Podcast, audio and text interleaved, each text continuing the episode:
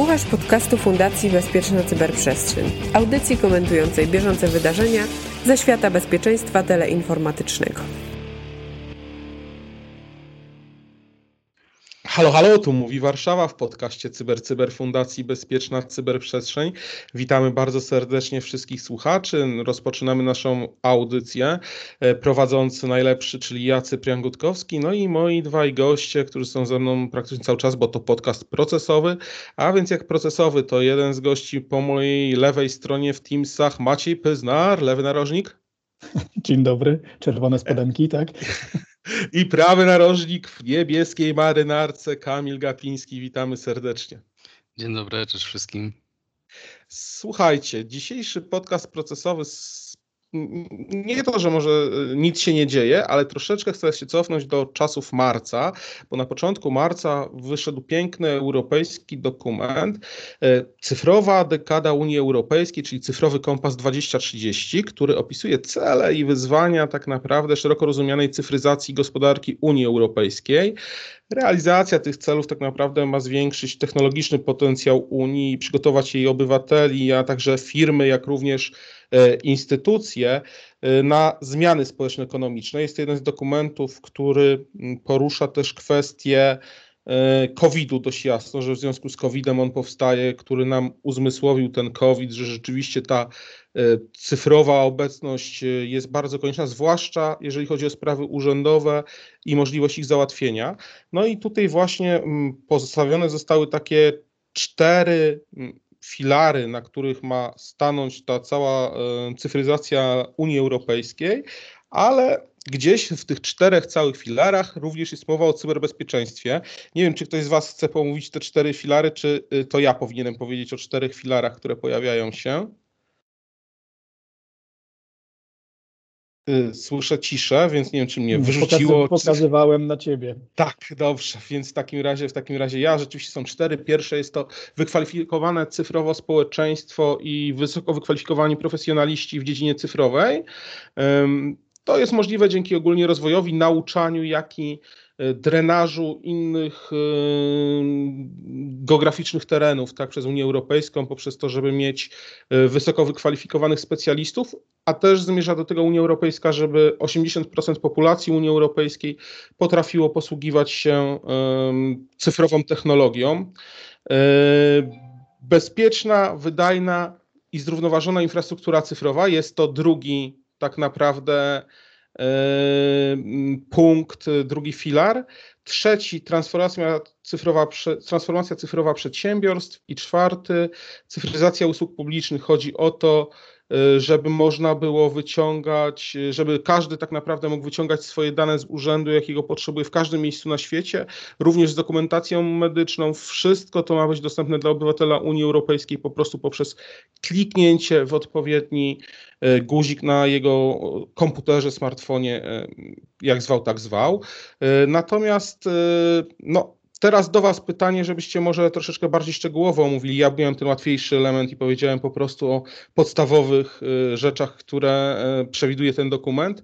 Natomiast Maciej Pyznar na pewno będzie chciał poruszyć tutaj kwestie dotyczące tych czterech filarów, o których powiedziałem. Także Maćku, oddaję Ci głos.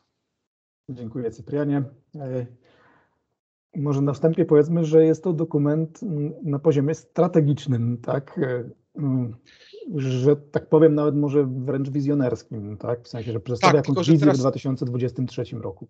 I właśnie myślę, że o nim byśmy nawet, Maćku, przepraszam, przepraszam, że ci przerywam, ale myślę, że o nim nawet byśmy nie rozmawiali, gdyby nie to, że byśmy go po prostu znali za pobożne życzenia pewnie, tak? Gdybyśmy spatrzyli na niego tylko z punktu widzenia strategicznego, że to fajne, pobożne życzenia, ale jest tam dość jasno określony budżet i finanse, które są na to przeznaczane, są bardzo duże, w związku z czym mm, nie do końca bym to nazwał pobożnymi życzeniami, tylko jednak jest to dokument, który y, coś oznacza i do czego będzie Unia dążyła. Także y, już oddaję Oddaję Ci głos.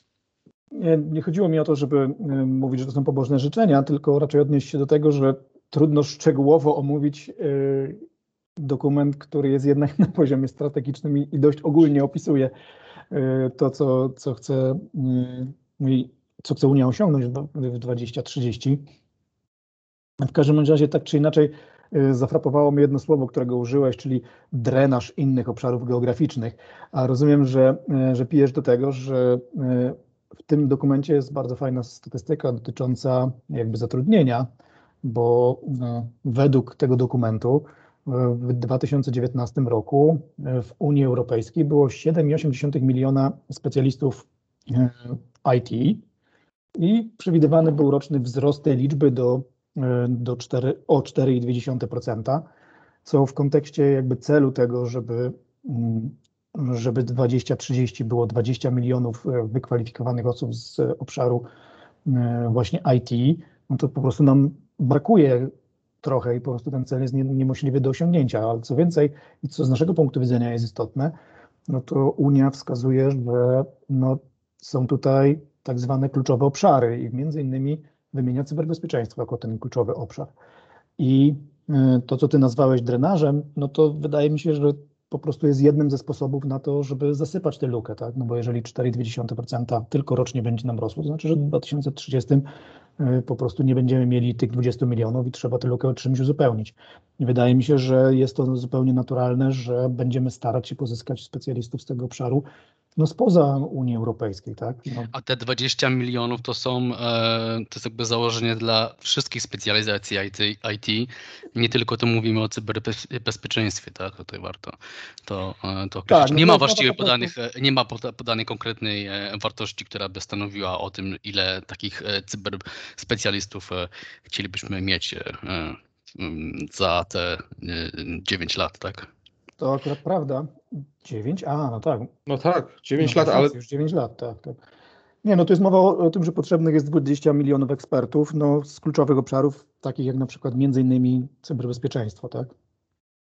Ja tylko powiem jedną rzecz, jeżeli też jeszcze mogę. Rzeczywiście ja tutaj mówiąc na myśli drenaż nie miałem na myśli niczego negatywnego, bo jeżeli zapytam jakiegokolwiek specjalistę od boisk piłkarskich, to on powie, że drenaż to jest cudowna rzecz i przynajmniej nie będziemy mieli basenu narodowego, tylko stadion narodowy, ale właśnie rzeczywiście tutaj to było bardziej pozytywne. No nie oszukujmy się, no drenuje się słabsze ekonomicznie obszary po to, żeby zbudować coś wielkiego. I tutaj Unia Europejska stawia na tą swoją suwerenność. Tak? Bardzo mocno jest określana suwerenność Unii Europejskiej.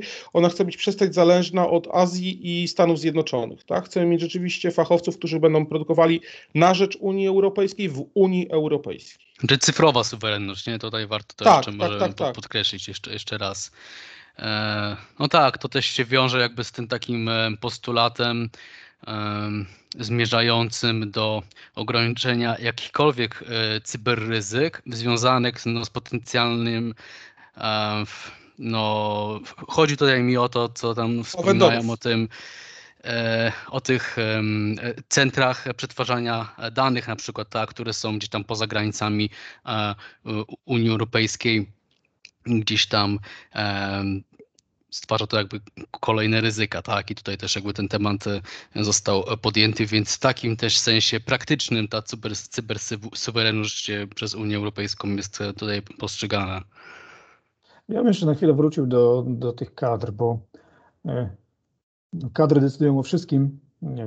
To, to zagadka, z kogo to cytat. W każdym bądź razie Y, w tym dokumencie Unia Europejska i Komisja właściwie wskazuje, że y, ponad 70% y, przedsiębiorstw wskazuje braki w kadrach w tego obszaru jako, jako przeszkodę do inwestowania. Tak? No, i, no i rzeczywiście trzeba przyznać wprost, że, że większość firm zmaga się z tym, że no, no trudno znaleźć dobrego kandydata, tak? I nie mam na myśli nawet dobrego, ale takiego, który też nie, nie odleciał pod względem e, ceny za swoje usługi, tak? I, I oni też jedną rzecz fajną podkreślają, że pojawia się luka pomiędzy e, jakby pokoleniowa, tak? Pomiędzy tymi specjalistami starszej daty, a ty, tymi młodszej daty. No i e, tutaj jakby to jest zauważane i, no i próbują jakby znaleźć na to, na to rozwiązanie, w tym między innymi właśnie to rozwiązanie, o którym mówił Cyprian, czyli pozyskiwanie jakby spoza Unii Europejskiej tych ludzi, którzy dysponują tymi kompetencjami, co, co akurat uważam za e, jakby słuszne podejście, gdyż tak jak przed wejściem na antenę e, stwierdziłem, że z Cyprianem w rozmowie, no, że my też kiedyś do, do Wielkiej Brytanii jeździliśmy po to, żeby, żeby, że tak powiem, nas wydrenowali. Tak, zgadza się. Kłóciliśmy się, ale zawsze konstruktywnie się kłócimy z Maćkiem, więc to w ten sposób wygląda przed wejściem na antenę, więc, więc rzeczywiście była taka rozmowa. E, natomiast no, tutaj jest jeszcze bardzo istotne, bo że w dokumencie pada tak naprawdę w samym dokumencie pięć razy słowo cyber security. To jest rzeczywiście coś, co się, co się pojawia. O bezpieczeństwie sprawdziłem przez Ctrl F, stąd wiem, to znaczy w rzeczywistości jest dziewięć, ale cztery razy w przypisach, pięć razy w dokumentach, z czego też dwa razy pada w użycie odwołania odwołanie się do Cyber Security Act, więc to też jest jako nazwa samego dokumentu, ale parę razy pada to słowo cyber security i do czego zmierza ten dokument? Gdzie ma być bezpiecznie tak naprawdę? Bo tu jest też ważne o tej infrastrukturze. Czy możecie coś o tym powiedzieć, co właśnie co Unia Europejska chce osiągnąć? Trochę o tym mówiliście, ale ja bym jednak tutaj właśnie to rozwinął. Także Maćku, jak możesz, proszę bardzo.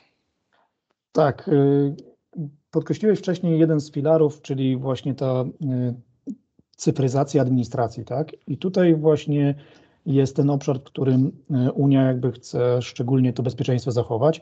Przede wszystkim jeśli chodzi o bezpieczną komunikację, tak? To wprost e, jest nazwane. I, i co ciekawe, Unia wskazuje w tym dokumencie, że e, chce rozwijać, no i musi inwestować w nowe kwantowe technologie, tak? I przede wszystkim w kontekście właśnie bezpiecznej komunikacji, tak? I transferu danych. Ultra no, secure zostało sformułowanie takie bardzo no, poważne. No, tak, no w każdym razie jest tutaj mowa o Increased Security of Communication and Data Transfer, przy okazji jeśli chodzi o właśnie e, te technologie kwantowe. No marzenie o, e, o kryptografii e, kwantowej, no to jest, nie wiem jak to nazwać, żeby nie, nie było dobrze. W każdym razie sen wszystkich i, i marzenie ale tutaj Unia właśnie daje na kwantowy komputer. To jest, wiesz, budowa kwantowego komputera jako jedna właśnie taka podstawa. Nie wiem, czy to nie jest piąty filar tak naprawdę gdzieś w no środku no właśnie, tego, który ma to zapewniać. No właśnie o tym mówimy, dlatego właśnie bezpieczeństwo w, w kontekście tych, tej wizji no, musi i żeby w ogóle móc spełnić tę wizję, w której każdy z obywateli Unii Europejskiej może jednym kliknięciem dostać się do wszelakich zasobów, no musi się po prostu wiązać z bezpieczeństwem tej komunikacji, tak? No i to jest, bez tego po prostu nie jesteś w stanie tego spełnić. Dlatego właśnie inwestowanie w, w kryptografię kwantową, czy w, w technologie kwantowe, które zapobie, zapewnią jakby bezpieczeństwo komunikacji, no jest po prostu istotne i, no i te pieniądze tutaj y, na te inwestycje są, y, są po prostu przewidziane. Tam około 2 bilionów euro jest na budowę tego komputera kwantowego. To mi się wydaje w ogóle coś olbrzymią, olbrzymią kwotą. Musiałbym to jeszcze raz sprawdzić, ale rzeczywiście coś takiego się moim oczom ukazało. Yy, natomiast tu można by wrócić, jak się ma do tego te szyfrowanie end-to-end, czy jednak ktoś po środku, kto zagląda i wtedy po co nam komputer kwantowy. Ale no okej, okay, no, no to już taka dygresja no nie, no, mała. W sytuacji, jeżeli będziesz miał e, kryptografię kwantową, no to, no to ktoś podsłuchujący w środku już właściwie zmieni komunikację wtedy, właściwie treść tej komunikacji. No ale to skoro prawo jedno zakłada, to więc mamy taką troszeczkę rozbieżność ja, prawną. Ja myślę, że to się celów. nie wyklucza, tak? Bo tak naprawdę łączą, łączny jest cel, jakby jest ten sam, tak? Czy go zapewnimy poprzez end-to-end encryption, czy poprzez e, komunikację e, kwantową, czy szyfrowanie kwantowe, no to, no to właściwie cel zostaje osiągnięty. Zarówno nasze dane, jak i prywatne informacje są, są zabezpieczone. Tak? No, Jedno jest pewne, nie, nie wynika z tego, czy twój komputer nie tak. jest zainfekowany jako endpoint, tak? no ale to jest zupełnie inna kwestia. Unia jest spójna w tych swoich dokumentach, ponieważ dyrektywa NIS-2, propozycja dyrektywy NIS-2 także się odnosiła właśnie do end-to-end, ale mm, także NIS-2 przecież wspominała też, nawiązywała do tej kwestii tej cyfrowej suwerenności, a mam tu na myśli ten rejestr podatności, tak, europejski. Te wszystkie działania gdzieś tam się wpisują, zazębiają, a więc e, no, ta, ta, spójność tutaj, chyba to jest też taka e, jedna z tych, jeden z tych kierunków e, strategicznych. Tak, ja no z tego dokumentu jeszcze tak z interesujących mnie kwestii um, widziałem pomysł, bo no, to jest dokument strategiczny i tam nie ma wyszczególnionych konkretnych zadań raczej, są jakby założenia, pewne um, kierunki, no to ten pomysł e, sieci Security Operations Center, tak, który gdzieś tam się wybija jako interesujący. Nie wiem do końca, czy to nie jest też tak, że poprzez Security Operations Center trochę to um, komisja ma co innego tak naprawdę na myśli, bo jakoś trudno mi sobie wyobrazić taki na, działające sieci SOC na poziomie państwowym, które um, no, monitorowałoby takie, taki rozległy obszar działania, tak, takiego rozległej constituency i więc mm, tak naprawdę mm, nie wiem, co mają na myśli, tak, mówiąc o sokach tutaj. Czy to są takie, takie soki, jakie my znamy w biznesie na przykład. No ale to jest interesujące, interesujące założenie. Pewnie jeden no, z takich no, i ogromne wyzwanie. Z każdego, z, każde, z każdego w zasadzie punktu widzenia, jakby nie patrzeć, tak, technologicznego, ludzkiego czy procesowego także. No ja myślę, że tutaj pewnym podpowiedzią na to, czym to jest, jest opis tego, że to ma być e, powered by artificial intelligence, tak? Mhm. Czyli Czyli kto wie, czy y, to jest jakiś nowy rodzaj, mhm. nowy rodzaj, czy nowy, tylko nowy sposób jakby obsługi tego, tego Security Operation Center, bo można sobie wyobrazić, że w ramach sieci y, CSIRT-ów poziomu krajowego, które jakby w ramach dyrektywy NIS już, już funkcjonują, będą tworzone jakieś komórki, które tak akurat się będą nazywać, jak to jest Security mhm. Operation Center, tak, ale dzięki tym inwestycjom w e, sztuczną inteligencję być może będą w jakiś sposób działać automatycznie, tak. I, I to chyba wychodzi na to, że, że to jest jakby ten pomysł na to, tak?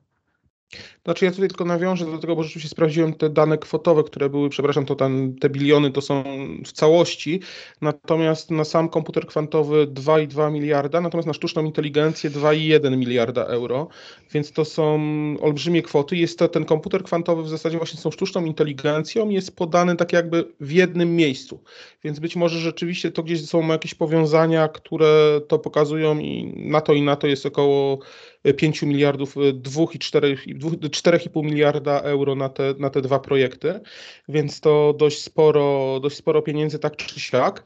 Yy, natomiast no, zobaczymy rzeczywiście, co z tego będzie. Ta sztuczna inteligencja to rzeczywiście też mi przychodzi do głowy to, co, o czym mówiłeś, Maczku, że to raczej pewnie będzie próba zorganizowania tego w ten właśnie sposób.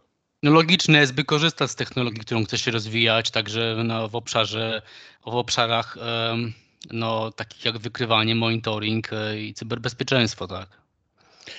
No, Unia Europejska chce też właśnie mocno postawić na tą produkcję różnego rodzaju sprzętu rzeczywiście, który miałby być produkowany w Europie, miałby być made in, made in UA. W związku z tym to, to też jest bardzo, bardzo istotna rzecz. Chce, to jest właśnie nawiązanie do tej suwerenności w cyfryzacji. Okej, okay, no. To, to tak się, z grubsza, że, nie? Tak, tak. Do, dokument jest 27 stron i oczywiście jest na, na ogólnym poziomie, więc to, to może przejdźmy do innej inicjatywy e, Unii Europejskiej swoją drogą też, czyli tak, CRRT, tak?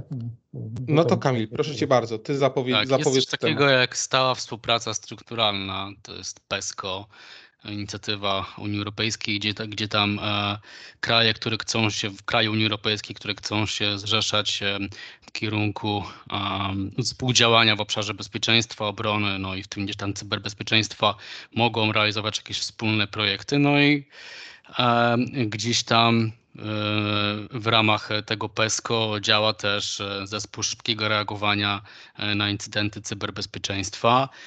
E, wydaje mi się, że to tylko e, z, taką po prostu przyjęli nazwę, tak? Cyber Rapid Response Team.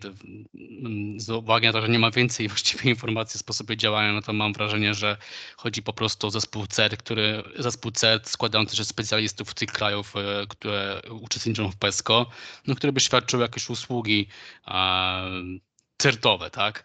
Natomiast e, no news jest taki, że e, na ten rok, który, który, mamy, który mamy dzisiaj, tak, e, Polska będzie przewodziła, tak? w sensie będzie koordynowała pracę tego zespołu szybkiego reagowania na e, incydenty e, komputerowe. No i tutaj jakby e, prym oczywiście będzie wiódł zespół, zespół certowy, wojskowy poziomu, poziomu krajowego. Maczku, chciałeś uzupełnić coś? Tak, chciałem zasadniczo powiedzieć, że jest mało informacji, ale zakładam, że to będzie działało podobnie jak e, e, coś, co w NATO nazywa się e, Rapid Reaction Team. Mhm. Takie zespoły w ramach mm, komitetów, które w razie jakiejś potrzeby w, u jednego z państw członkowskich były w stanie polecieć w to miejsce i doradzać na, na wypadek jakiejś konkretnej katastrofy w rozumieniu takim, że, że ci eksperci byli z różnych obszarów bezpieczeństwa, na przykład zarządzania kryzysowego, ochrony infrastruktury krytycznej czy czegoś takiego. Wiem, bo, bo, bo sam byłem w takim członkiem takiego zespołu przez jakiś czas. Sprawdzanie tego Rapid Reaction, ale takiej grupy doradców. I chciałbym jeszcze uzupełnić jedną rzecz, mianowicie to w ramach tej inicjatywy PESCO Unia Europejska również e, jakby poszukuje narzędzi, tak? No bo oczywiście masz rację, że e, z punktu widzenia e, obecnego jakby, obecnej możliwości czy zdolności tego, tego zespołu, to, to ogranicza się głównie do, do specjalistów, ale wiem, że Unia Europejska również otwiera projekty badawcze dotyczące właśnie wyekwipowania tego zespołu, tak? czyli takiego mobilnego toolboxu, który taki właśnie E, Cyber Rapid Reaction Team mógłby ze sobą e, zabrać po prostu na, e, no w miejsce, w którym, czy do kraju, w którym dany incydent cyberbezpieczeństwa się po prostu zdarzył, tak? No i to te zapytania odnośnie tych, tych projektów dowodzą temu, że, że to ma być no, zaawansowane zdolności do tego, żeby, żeby można było reagować. Ja to w sumie nazywam sobie takim mobilnym certem, tak, razem ze specjalistami, no i e, odpowiednim wyposażeniem, które pozwoliłoby na, na zarządzanie incydentem na miejscu, nie tylko zdalnie z, e, z krajów różnych. Tak, tych e, projektów badawczo-rozwojowych jest, jest sporo. Jak sobie wejdziemy na stronę właśnie pesco.europa.eu, to w zakładkach projektowych, czy tam, gdzie znajdziemy informacje o właśnie o Cyber Rapid Response Teams, mamy dużo takich e, e, e, planów, projektów, które wiążą się z, z cyberbezpieczeństwem. Widzę tutaj jakiś Strategic C2 System for CSDP Missions and Operations, Cyber Threats and Instant Response Information Sharing, sharing Platform, więc ta współpraca jakby Mm, no nie zamyka się tylko oczywiście na, na reakcję, ale także jakby budowę tych, tych, tych zdolności. To teraz ja troszeczkę przewrotnie, panowie, bo obawiam się, żebyśmy się nie pogubili w swoich kompetencjach i zdolnościach, bo tutaj jedna rzecz jest taka, znaczy mam nadzieję, że nigdy się nie pogubimy, natomiast rzeczywiście jest tak, że czy nie za dużo już właśnie tych Rapid Reaction Teams, tu jest niby NATO, to Unia Europejska, tylko nagle się okazuje, że to tak naprawdę pełnią ci sami ludzie, no nie ukrywajmy, tak rzeczywiście jest. I tutaj jest tylko nawiązanie do tego, że czy my tych y, specjalistów nie liczymy, że to nagle są potrójne stanowiska, w związku z tym mamy tylu specjalistów, a to są ciągle ci sami ludzie i taki jeden człowiek jest wliczony za trzech specjalistów specjalistów od cyberbezpieczeństwa. Trochę przewrotnie, oczywiście wiem, że tak nie jest, ale, ale, ale troszeczkę to mówię dlatego, żebyśmy rzeczywiście nie pogubili się kompetencyjnie. Czy ktoś nad tym czuwa kompetencyjnie i to już taki bardziej apel do wszechmocnego, czy do jakiegoś jestestwa, które e, istnieje, żeby to, to wyglądało całkiem ok, żebyśmy tego nie zgłębili. Maciek neguje, więc dlatego Maćku proszę bardzo odnieść się do mojej wypowiedzi. Wiesz, że neguje co innego, tak? Ale to, Wiem. To, to jest inna sprawa. Ja myślę, że to to, to zawsze jest problem e, Unii Europejskiej i NATO, tak? No bo po prostu czasami trzeba zmienić kapelusz, a to jest ciągle ta sama osoba, tak? E, I to jest problem, ale wydaje mi się, że biorąc pod uwagę jakby zarówno no, ambicje, jakby, jak i rzeczywistość, no Unia chyba nie ma po prostu wyjścia, musi tworzyć własne tego typu zespoły, nawet jeśli one w jakimś sensie dublują to, co jest, co, co jest w NATO robione, tak? No przede wszystkim dlatego, że, że głównym i najsilniejszym członkiem NATO są Stany Zjednoczone, które, których interes bywa rozbieżny niż e, interes Unii Europejskiej. Tak? No i gdzieś tam to jest też ta kwestia. E, Pewnie taka, że e, tam, gdzie nie ma miejsca na interesy bilateralne pomiędzy takimi krajami ościennymi jak Polska, Łotwa, Estonia czy, e, no, e, czy Finlandia, no to tam gdzieś będzie można to zrealizować właśnie w ramach takiego PESCO, gdzie ta współpraca będzie mogła się udrożnić, tak? gdzie ta, na, na współpracę można większy priorytet, o, o, współpracy w zakresie obronności, bezpieczeństwa i cyberbezpieczeństwa można większy położyć priorytet, priorytet niż no, na przykład w NATO tak, gdzie wiadomo, że wielkie mocarstwo, właściwie jedno wielkie mocarstwo i gdzieś tam a, e, pewnie Wielka Brytania czy e, Turcja odgrywają dużą rolę. Turcja jest w NATO?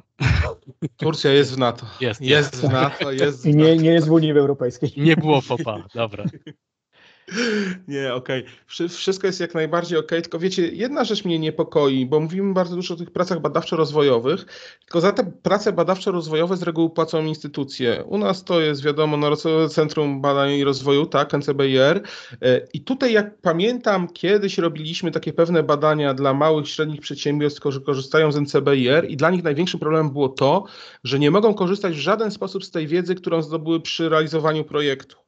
I to jest problem, że ty masz zapomnieć to, czego tak naprawdę się nauczyłeś, bo nie możesz tego wykorzystać nigdzie indziej za to, co zapłaciło nasz y, urząd, że tak się wyrażę. Y, to jest straszna rzecz i tak naprawdę, Ale no wiadomo, jesteś że... pewny tej rzeczy, bo... Y, Jestem pewny tej rzeczy, bo robiliśmy te badania... które z założenia muszą być komercjalizowane, więc to... to tak, ale... Założeniem jest, że musisz z nich skorzystać ale w większości tak jest jak mówię, tutaj akurat Kamil też uczestniczył w tych badaniach, te, robiliśmy takie badania i faktycznie to wynikało, że z tym przedsiębiorcy mają duży problem, że potem nie mogą użyć dużej części wiedzy, którą udało im się zdobyć w tych y, badaniach i tak chyba nie powinno być. To apel do tego może, jeżeli słuchają nas rządzący, żeby jakoś zastanowili się nad tym, czy nie warto tego zmienić. Maciek oczywiście się śmieje, no dobrze, no nie słuchają, ale, ale może przypadkiem kiedyś na to trafią i zapali im się jakaś lampka, mam genialny pomysł to, to podpowiadamy, to by był całkiem dobry pomysł, że jednak można korzystać z tego, co się robi w innych projektach. Myślę, że to jest ciekawy projekt. pomysł na podcast, żeby zaprosić kogoś, kto się zajmuje badaniami i rozwojem w ogóle. A też ocenia takie projekty. Nie wiem, czy to będzie możliwe, ale właśnie porozmawiać o, czym, o, o tym właśnie w kontekście takich projektów cyberbezpieczeństwa, więc tak, bo to właśnie najważniejsze. Może zrównamy. Mhm. Będziemy się starać. No to jest właśnie takie wykorzystanie tego know-how, które gdzieś tam nabyłeś w projekcie i w sumie powinieneś się wykorzystywać, a tutaj masz zabronione, bo nagle ci każą zwrócić jakąś część dofinansowania, którą otrzymałeś z Narodowego NCBI. Więc... polski zespół e, jest teraz jakby koordynuje e, Rapid Reaction Team w ramach PESCO, a mamy nadzieję, że że panie i panowie tam będą dobrze działać. Oczywiście nie mam tu wątpliwości. Jeszcze się wiele od siebie nauczą nawzajem z europejskimi kolegami i koleżankami. To takie stwierdzenie. Tak jest. Zgadzamy się w tym, z tym w 100% i życzymy powodzenia. Natomiast jeszcze teraz jeden temat. Tutaj Maciek ma przygotowany na temat e, RCB, tak? Także proszę bardzo. Ciekawy dlaczego. Tak, to, to oczywiście podpucha taka, tak. No, tak, pracowałem e, tam no i, z przykrością jakby przeczytałem tę wiadomość. Z drugiej strony, no cóż, no, takie rzeczy się zdarzają i to jest koszmar każdego bezpiecznika, że, że wszystko ma bezpieczne, a ktoś ci tam coś podrzuci. Mówimy oczywiście o tym, że, e, że e, na, na platformie ArcGIS można było przez chwilę przynajmniej, nie wiadomo właściwie jaką, znaleźć dane osobowe ponad 20 tysięcy policjantów, strażaków, celników i pograniczników no, z dość wrażliwymi e, danymi. I mówimy o tym nie dlatego, żeby jakby piętnować to, czy, czy coś takiego, bo właściwie nie o to chodzi. No tak jak mówię, no to jest e, koszmar każdego bezpiecznika, że, że któryś z użytkowników coś takiego zrobi, tylko raczej, żeby mm, pokazać, właściwie w sumie chyba pochwalić trochę jakby reakcję, tak, no bo poza tym, że nie rozumiem, dlaczego ktoś, kto e, odkrywa coś takiego, pierwsze co robi, leci do niebezpiecznika, a nie do, e, do RCB, no ale być może jest mu trudniej znaleźć jakby kontakt, odwagę czy, czy cokolwiek innego, żeby, żeby poinformować tych, których to, to jakby dotyczy. To, to należy podkreślić, że rzeczywiście RCB no jakby po informacji od niebezpiecznika no natychmiast to, to zdjęło. I, no i zgodnie z komunikatem podjęło zarówno wewnętrzne działania wyjaśniające, jak i e, będzie zgłaszać płodo, e, no jakby fakt taki, taki który mają miejsce. E, najważniejsze z punktu widzenia jakby procesowego, teraz to jest po incident response zrobione, no jakby to, co no zostało szybko to, to zdjęte, to jest ustalenie jakby skali potencjalnych skutków, tak, czyli żeby o ile to jest możliwe, dowiedzieć się, czy i, i ile osób zdołało jakby ściągnąć ten, ten plik, który zawierał te informacje, bo to może jakby pomóc w tym, żeby, żeby określić rzeczywistą skalę skutków e, i, no i potencjalne ryzyka związane z tym, że, że ta baza, e, ta baza e, wyciekła. Tak? Więc to, to z punktu widzenia procesowego jakby tutaj wszystko odbyło się, się dobrze, w sensie otrzymujemy reak- informacje, natychmiast jakby zdejmujemy to no i rozpoczynamy jakby dochodzenie. Tak? I no, ja mogę tylko jakby powiedzieć, że to właściwie dowodzi tego, że, że ten zdecentralizowany system, taki, który zawsze uważałem, że powinien być, no jakby działa lepiej, tak? No bo y, CERT rządowy ani CERT y, Polska jakby nie dowiedział się o tym, tylko jakiś tam użytkownik mniej lub bardziej anonimowy. Mm, najwyraźniej chyba tylko nie wiedział, co zrobić z tą informacją e, i, i, dlatego skierował się do mediów. Tym niemniej ten nietypowy kanał komunikacji, pomimo że taki nietypowy, jakby zadziałał w rozumieniu takim, że, że szybko się e, udało tę bazę zdjąć. No i tu chwała za to niebezpiecznikowi, który w odpowiedni sposób um, zareagował również, a nie od razu publikacją, też i nagłaśnianiem nie wiadomo czego, tylko pierwszą rzeczą starał się dowiedzieć od zainteresowanego tak naprawdę, co się stało i dlaczego tak się stało. W związku z tym jak najbardziej chwała takiego dziennikarstwa nam trzeba w każdej w każdym zakresie. Natomiast, y, no dobrze, słuchajcie panowie, mi się wydaje, że wyczerpaliśmy temat przynajmniej tych zdań, chyba że ktoś chce jeszcze coś, chce coś powiedzieć, bo ja tylko też mogę dodać, że to rzeczywiście jest ok, no nic więcej nie można zrobić, najważniejsze jest wyliczenie tego, jaki skutek naruszenia może mieć wpływ na tych funkcjonariuszy. I tyle. No, jeżeli uda się to określić, że tam też niewiele się stało, to myślę, że nawet prezes Urzędu Ochrony Danych Osobowych nie będzie miał za wiele um, do ustalania w tej kwestii. Także, także zobaczymy. W każdym razie reakcja moim zdaniem jest jak najbardziej właściwa i tak, tak powinna wyglądać, jeżeli chodzi o naruszenie związane z ochroną danych osobowych. Kamil, jeszcze tak, proszę może, bardzo. Może jedna rzecz. Powinniśmy więcej mówić e, w ogóle w, e, w branży cyberbezpieczeństwa o, o procesie informowania kogo najpierw na początku. E, jeżeli ci nie odpowiadają, no to do kogo innego się zwrócić, ponieważ widzimy, że cały czas są z tym problemy. No i jakby zwrócenie się do mediów, no jakby nie patrzeć w pierwszej kolejności, no jakby no nie jest dobrym pierwszym krok, krokiem takiego procesu.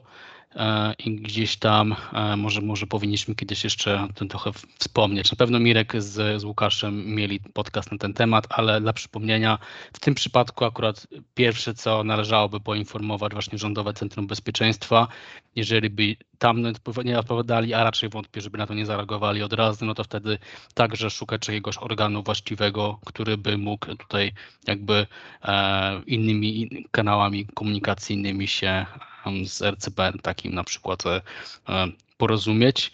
No i to jest taka uwaga generalnie dla i dla podatności, i dla wszelkiego rodzaju wycieków i tak dalej. Tak, no, nie, nie, nie, bójmy się jakby rzeczywiście kontaktować z tym, bo to nie jest nic złego, wręcz przeciwnie, to działa na naszą wspólną korzyść. Ja, ja tak e, mówiłem o tym, że CERT rządowa ani CERT Polska jakby nie wykryły tego, no ale ja nie oczekuję, że te dwa CERTy będą monitorować cały internet. Tak? No, oczywiście. No, dlatego że no, po prostu nas, użytkowników, jest więcej i tak naprawdę to my pierwsi dowiadujemy się o tym, czy do nas przyszedł mail phishingowy, albo czy, czy coś się dzieje, albo gdzieś jest jakaś e, informacja, której nie powinno być. Tak? Także w RCB działa całodobowa służba dyżurna, więc można w każdej chwili do nich zadzwonić i jeżeli będą potrafili pomóc, na pewno pomogą. E, rzecz w tym, że rzeczywiście e, no jakby to informowanie jest niezwykle istotne, tak? no bo czas jakby reagowania w tym przypadku jest, e, jest chyba najistotniejszy. No im szybciej się uda coś takiego jakby zdjąć, tym, tym mniej osób złych mogłoby taką bazę pozyskać. Tak? Pełna zgoda Maćku, rzeczywiście to nie był żaden zarzut do, ani do CERT-u krajowego, ani do gowowego, czy też do CERT-u MIL. Y, natomiast y, na pewno tutaj Kamil się zobowiązał, że narysuje szybki proces, jako fan rysowania procesów, y, tego jak informować. Na pewno zostanie dołączony od razu do podcastu, także będziecie mogli przejrzeć, jaki powinien być proces informowania o incydencie. Także ok. Tak, myślę, że może któryś numer do dziewiątek powinniśmy dodać, e, typu cyberincydent albo coś takiego, nie? Wiem, że tam wszystkie chyba już są dziewiątki zajęte, e, w sensie 9-9 e, któryś tam, tak, e, bo... No wiesz, teraz jest 112, słuchaj. No ale to może być trudne, bo, bo cię do, do pierwszego, że tak powiem... Mm, Wolnego. Centrum Powiadamiania Ratunkowego połączy, ale być może taki, taki numer to, to by było coś, co by warto pomyśleć, jakąś kampanię zrobić. I myślę, że, że to by było dobre. Tak?